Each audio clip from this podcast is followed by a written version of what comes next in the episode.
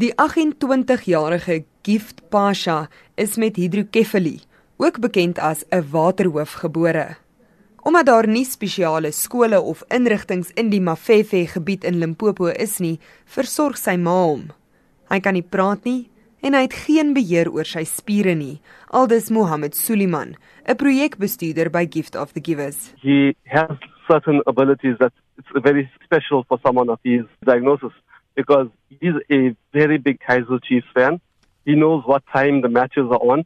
He knows to remind his mother to, in the way he communicates, to put the game on. He can recognize the names of his family members on the phone and who he wants to speak to. And he has a way of communicating with the people that he knows. But other than that, if you see him for the first time, you wouldn't see this type of ability. It's really a special story. Pasha rolstoel was nie meer voldoende vir sy behoeftes nie en daarom het Gift of the Givers vir hom 'n nuwe rolstoel geskenk. His current wheelchair it was already breaking. His feet were dragging on the ground because he was too tall and they needed to tie him in with just some straps to hold him in because he, he couldn't control his muscles so he was falling out.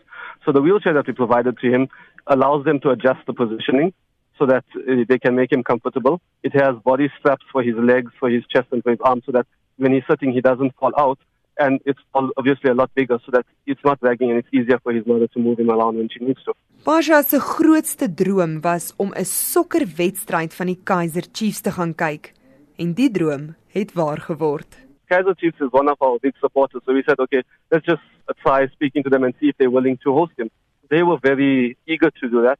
I'm not sure if you've seen the pictures, but the team really treated him very well that day. We went to the ranch where they were staying. He managed to have dinner. Him and his family had dinner with the Kaizer Chiefs team.